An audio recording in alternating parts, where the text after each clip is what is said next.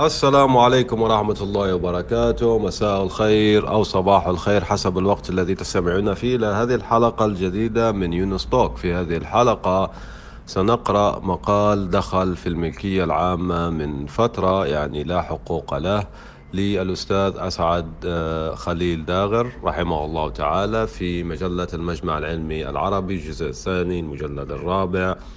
المنشورة في شباط سنة 1924 بعنوان النهضة العلمية الحديثة والانتقاد. تمام. فإذا هذه الحلقة هي عبارة عن قراءة صوتية لهذا المقال الذي يتحدث عن موضوع مهم جدا. فإذا المؤلف أسعد خليل داغر القاهرة. طيب فنبدأ بعون الله. النهضة العلمية الحديثة والانتقاد. يراد بالنهضة العلمية الحديثة هبة الناطقين بالضاد في سوريا ومصر والعراق وبقية الأقطار العربية ويقظتهم منذ أواسط القرن الماضي لتحصيل العلوم والمعارف متدرجين في تعميم انتشارها وتسهيل ادخارها بإنشاء المدارس والجمعيات وطبع الكتب ونشر الصحف والمجلات وغيرها من وسائل تهذيب النفوس وتثقيف العقول وإنارة الأفكار.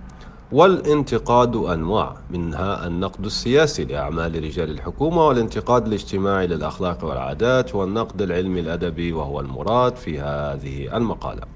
ولا يقتصر الانتقاد العلمي على ما يكتب ويكون كله من سقط المتاع كما يظن بعض الأدباء ويزعم معظم القراء. بل ويتناول بل يتناول بضاعة الكتاب بحذافيرها مما تخطه أقلام العلماء وتجود به قرائح الشعراء والخطباء. هذه كلها يقضي النقد الحقيقي بأن تعرض على جهابذته ليسبر ليسبروا غورها ويعجموا يعجموا عودها. يعجم عودها ويروز ألفاظها ومعانيها. فينبذ ما يجدونه رديء الأسلوب ركيك اللفظ غث المعنى وينوه بكل ما يرونه مستكملا شروط الصحة والحسن والجودة. فالانتقاد كور الكتابة طيب يصهر جمره كل آه. آه على فكرة هو الخط تمام؟ المطبوعة ليست آه بخط ممتاز جدا مما يسهل القراءة تمام؟ فإذا سنحاول آه نبذل أقصى ما لدينا للقراءة الدقيقة آه، قدر الإمكان. فالانتقاد كور الكتابة يصهر جمره كل مكتوب ماحصا فاحصا. فإن كان من الزيوف البهارج يعني الأشياء غير الأصلية ظهر خبثا في خبث وإلا بدا بعد الصهر ذهبا خالصا. وإذا أنعمنا النظر في نهضتنا هذه وجدنا فيها على حداثة نشأتها ما يسرنا من مظاهر التقدم وأدلة النمو. ولكننا نعجب إذ نفتش على الانتقاد العلمي الأدبي الذي نشأ معها وصاحبها في خطواتها الأولى وبالجهد نرى لعينه أثرا ونسمع لمبتدئه خبرا مع كونها في أشد احتياج إليه لأنها بدونه تظل واهية الأساس غير راسخة القدم. نطالع صحفنا اليومية ومجلاتنا الأسبوعية والشهرية وعلى وفرتها وكثرة ما تحويه من المباحث في كل مطلب قلما نجدها تتضمن انتقادا حقيقيا استوفى صاحبه شروط النقد وتوخى الفائدة المقصودة منه. ومن يلهو بالأعراض عن الجواهر ويحكم على الأمور حسب الظاهر يرضى كل الرضا بهذه الحالة وقد يتخذها دليلا على أن نهضتنا بلغت أشدها واستوفت قسطها من التقدم والارتقاء وأصبح كل ما يطعب يطبع, يطبع يطبع في كتبنا وينشر في صحفنا صفي الكوثر نقي الجوهر. هذا ما يحكم به كل ضعيف الفكر قصير النظر. أما العاقل الحازم الذي لا يستسمن ذا ورم ولا يفتر يغتر بظواهر الأمور فإنه ينظر إلى خلو نهضتنا من الانتقاد بعين الأسف والقلق. يأسف لأنها لا تنفك قاصرة وهي في احتياج لا مزيد عليه لانتقاد يرقب كل ما يطبع وينشر بعين لا تم يعني تنعس أعتقد. يعني الخط غير واضح 100% لا تنفس لا تنعس ولا تنام حتى تصان موارد الكلام من مزالق الألسنة ومعاثر الأقلام. على فكرة سنضع رابط بي لهذا المقال آه، ليطالعه من يريد أن يطالعه. ويقلق لأنه يخاف أن يطول عهد انقطاع الانتقاد من نهضتنا على خلاف ما يراه في غيرها من نهضات الأمم التي نجاريها في مضمار الحضارة والعمران. فيخلو الجو لكل من شاء أن يكتب ويخطب وينظم وينثر فيسرح ويمرح ويبيض ويصفر. لا يخشى مهيمنا ولا يخاف رقيبا. فتعم فوضى الكتاب ويختلط الخطأ بالصواب. ويذهب الخلل في بضاعة الأدب كل مذهب حتى تبيت ومعظمها.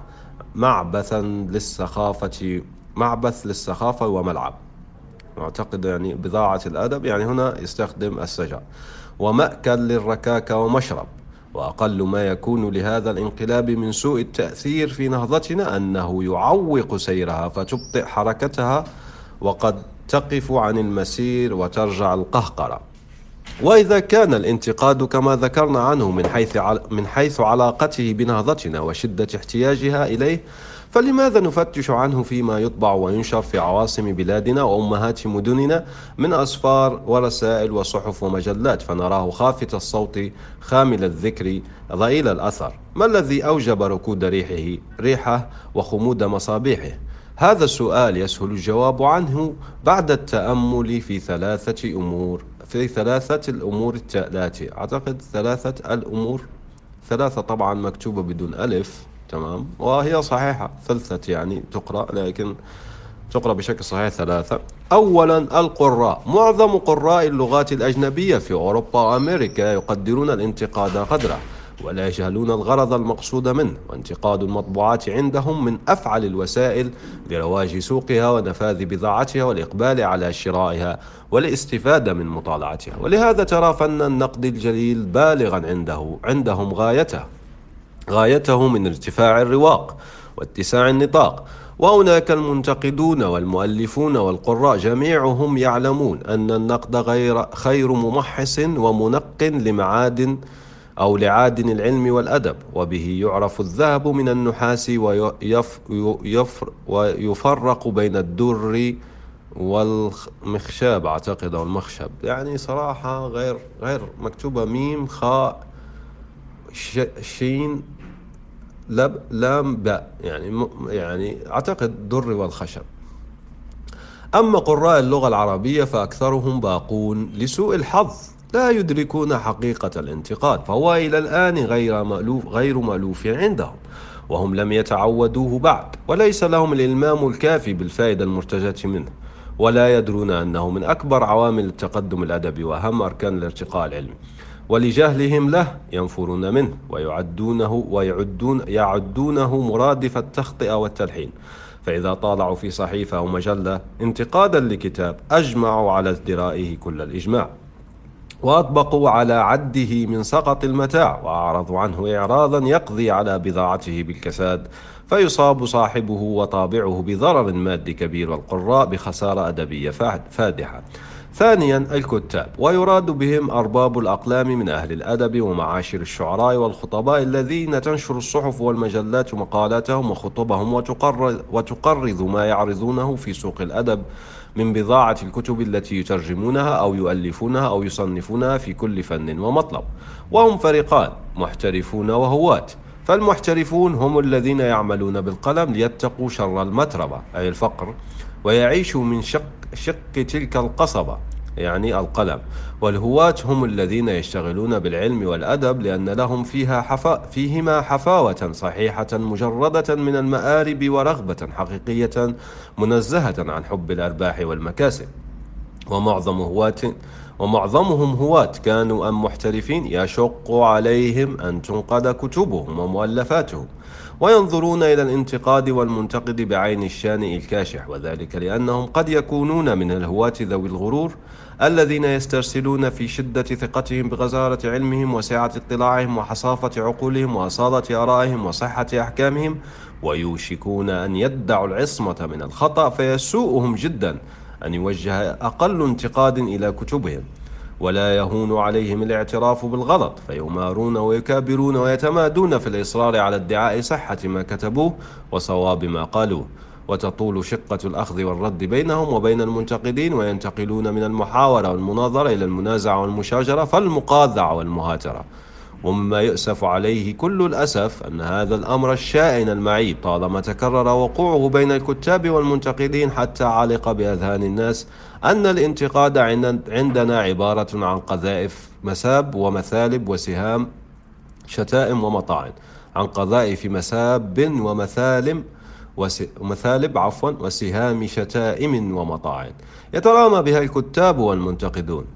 يعني هذا قبل عصر الانترنت وفيسبوك. تصور لو كان عندهم فيسبوك وتيك توك هذا تعليقي طبعا. ماذا كان سيحدث؟ ما نراه الوقت الحالي يعني من السب والشتم لأنه بعض الناس يفكر أنه الزمن القديم كانوا مهذبين في لا لا لا أنت لم تقرأ فقط الصحف القديمة 1800 و 1900 وما شابه تمام؟ فتدور على السلات ألسنتهم. أعتقد غير واضح الكلمة ألسنتهم وترمى عن قسي أقلامهم أسلات أعتقد لأقل اختلاف وأصغر مناقشة. ومما أتذكره من هذا القبيل أن أديبا انتقد كتابا في إحدى المجلات وبعدما افتتحه بإطراء المؤلف أشار إلى بعض بعض فقط الهفوات التي فيه بما لا مزيد عليه من التلطف والتأدب. فانبر له المؤلف وسلقه بألسنة حداد واستشهد السماء والأرض على أنه لم يحد قط فيما كتبه عن محجة السداد. وهذه الحالة السيئة أخلق بها أن تكون وليدة الجهل والغباوة لا نتيجة العلم والعرفان. وقد يكون الكتاب من المحترفين الذين يعيشون على غلة أقلامهم وريع قرائحهم فينكرون الانتقاد ويمقتونه ويمقتونه لزعمهم أن عامة القراء يجهلونه ويسيئون فهم المراد به. فإذا سمعوا بانتقاد كتاب أعرضوا عن اقتنائه وخاب أمل صاحبه برواجه. جاءني يوما أحد الأدباء بقصة ترجمها من إحدى اللغات الأوروبية وطلب إلي أن أنتقدها وكرر طلب الانتقاد بقوله أروم انتقادها لا تقريضها. فصدقت أنه يعني ما يقول وأثنيت على شجاعته الأدبية ومع هذا كله جريت في انتقادي لقصته على مقتضى الحال وراعيت مكان القراء من الفهم والزعم وجعلت كلامي تقريضا في صورة انتقاد.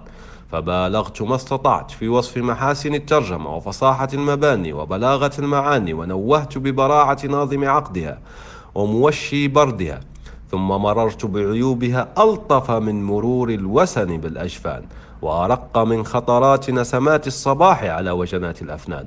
وقبل ما أعددت مقالتي للطبع عرضتها على صاحب القصة وأخذت أراقبه وهو يتلوها.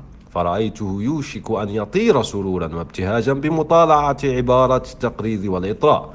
ولكن لما وقع نظره على بعض الغلطات التي أشرت إليها حدق إلي وحملق ثم وجم وجوم المغيظ المحنق ثم قال وهو يكاد من شدة سخطه يتمزق أراك تتعمد بتخطئة حط منزلتي عند الأدباء وإسقاط قصتي في عيون القراء. فقد عد تقريضي تخطئة لأنه رأى عليه من الانتقاد مسحة خفيفة لطيفة. فكيف لو كان انتقادا محضا خاليا من أثر للأثر الهوادة والمساهلة؟ وحينئذ تحققت أنه عندما طلب الانتقاد إنما أراد التقريض البحث المصطلح عليه في هذه الأيام لخداع القراء وإغرائهم بالإقبال على الشراء على الشراء. وذلك بالإيغال في إطراء المناقب والمزايا والإغضاء عن المعايب والخزايا. فأجبت إلى مراد وأسفت كل الأسف على مصير الانتقاد في هذه البلاد. ثالثا المنتقدون عندنا والحمد لله جهابذة. جهابذة نقد يحق لنا أن نباهي بهم ونفاخر. ولكن الكثيرين منهم ولكن كثيرين منهم يحيدون في انتقادهم عن مناهج العدل والإنصاف ويغلون في متايه الزيغ والاعتساف. فينتقدون ولكن لا لتأييد القواعد الصحيحة وتعميم نشر المبادئ الصالحة وتخليص جواهر الحقائق من أعراض الأوهام وحفظ موارد اللغة الفصحى مصونة على قدر الإمكان من أكدار لهجات العوام. بل للتفيهق والتحذلق وتعريض دعوى التفوق في العلوم والمعارف أو التحامل على الذين ينتقدون كتبهم متعمدين تنقصهم بنشر عيوبهم وشهر غلطاتهم. إما حسدا على نعمة أو سلا لسخيمه سخيمة أو لغير ذلك من الأغراض الدنيئة. هذه هي الأسباب التي يراها القارئ اللبيب عاملة معا على انتفاء شيوع الانتقاد الحقيقي. ولا جلها نبحث عنه في صحفنا ومجلاتنا فلا نرى له مضرب ظلال ولا مسحب أذيال. ولا ينفك عندنا ميتا في صورة حي أو عدما في ثوب موجود. إما ما أما ما نراه شائعا مستفيضا على وجوه توهم النقد فهو بالحقيقة إما مثالب ومطاع للتشفي والانتقام أو تقاريض وماديح للتملق والترضي وفي كلا الأمرين ما فيه من تفضيل القراء وارتكاب ما يستهجن ويعاب حتى على الجهلة الأغرار. والسعي لإزالة هذه الأسباب يتم أولا بمواصلة الكتابة في موضوع الانتقاد. ووصف طرقه ووجوهه وبيان فوائده حتى يألفه القراء ويتعودوه ويفهموه حق الفهم ويعلم أنه لا يستخدم إلا لتمحيص الآراء الصائبة والأفكار الصحيحة والأعمال الصالحة وتنقيتها حتى تخلص من شوائب الخطأ والضعف والنقص وتجلى في حلل الإحكام والإتقان. وثانيا أن يقلع بعض الكتاب عن الصلف والعناد وادعاء العصمة فيما يكتبون ويقبل بسعة صدر وجزيل الشكر بسعة الصدر وجزيل الشكر تصحيح كل خطأ يدلهم المنتقدون عليه. ذاكرين القول إذا كان كاشف الغلط عظيما فالمعترف به أعظم وأن العصمة والكمال لله وحده. سبحانه. وثالثا أن يكون رجال النقد كأعدل القضاة في جعل الانتقاد لمقصد واحد إحقاق الحق وإزهاق الباطل وهو خير الأغراض وأشرف المقاصد. فيزنون ما ينتقدونه بميزان الحق ولا يحيدون في أحكامهم قيد شعرة عن قول الصدق. فتجيء كلها صحيحة لأنه مما يقضي به الذهن الثاقب ويمليه روح الإخلاص بلسان اللطف والأدب. ويخطه يراع الأمانة على صحيفة الاستقامة مجردا من الهوى ومنزها عن الغرض لا يراد به سوى جوهر الحقيقة الذي من دونه كل شيء عرض.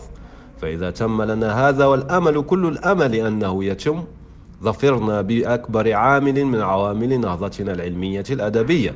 وجرى تقدمنا فيها على ما يرام من حيث سرعة المسير وسرعة وسعة الانتشار والسلام.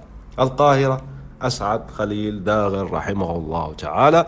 إذا هذا ما لدينا لهذه الحلقة. شكرا جزيلا لكم لاستماع هذه الدقيقة وصلى الله وسلم على سيدنا محمد وآله وصحبه أجمعين. سلام.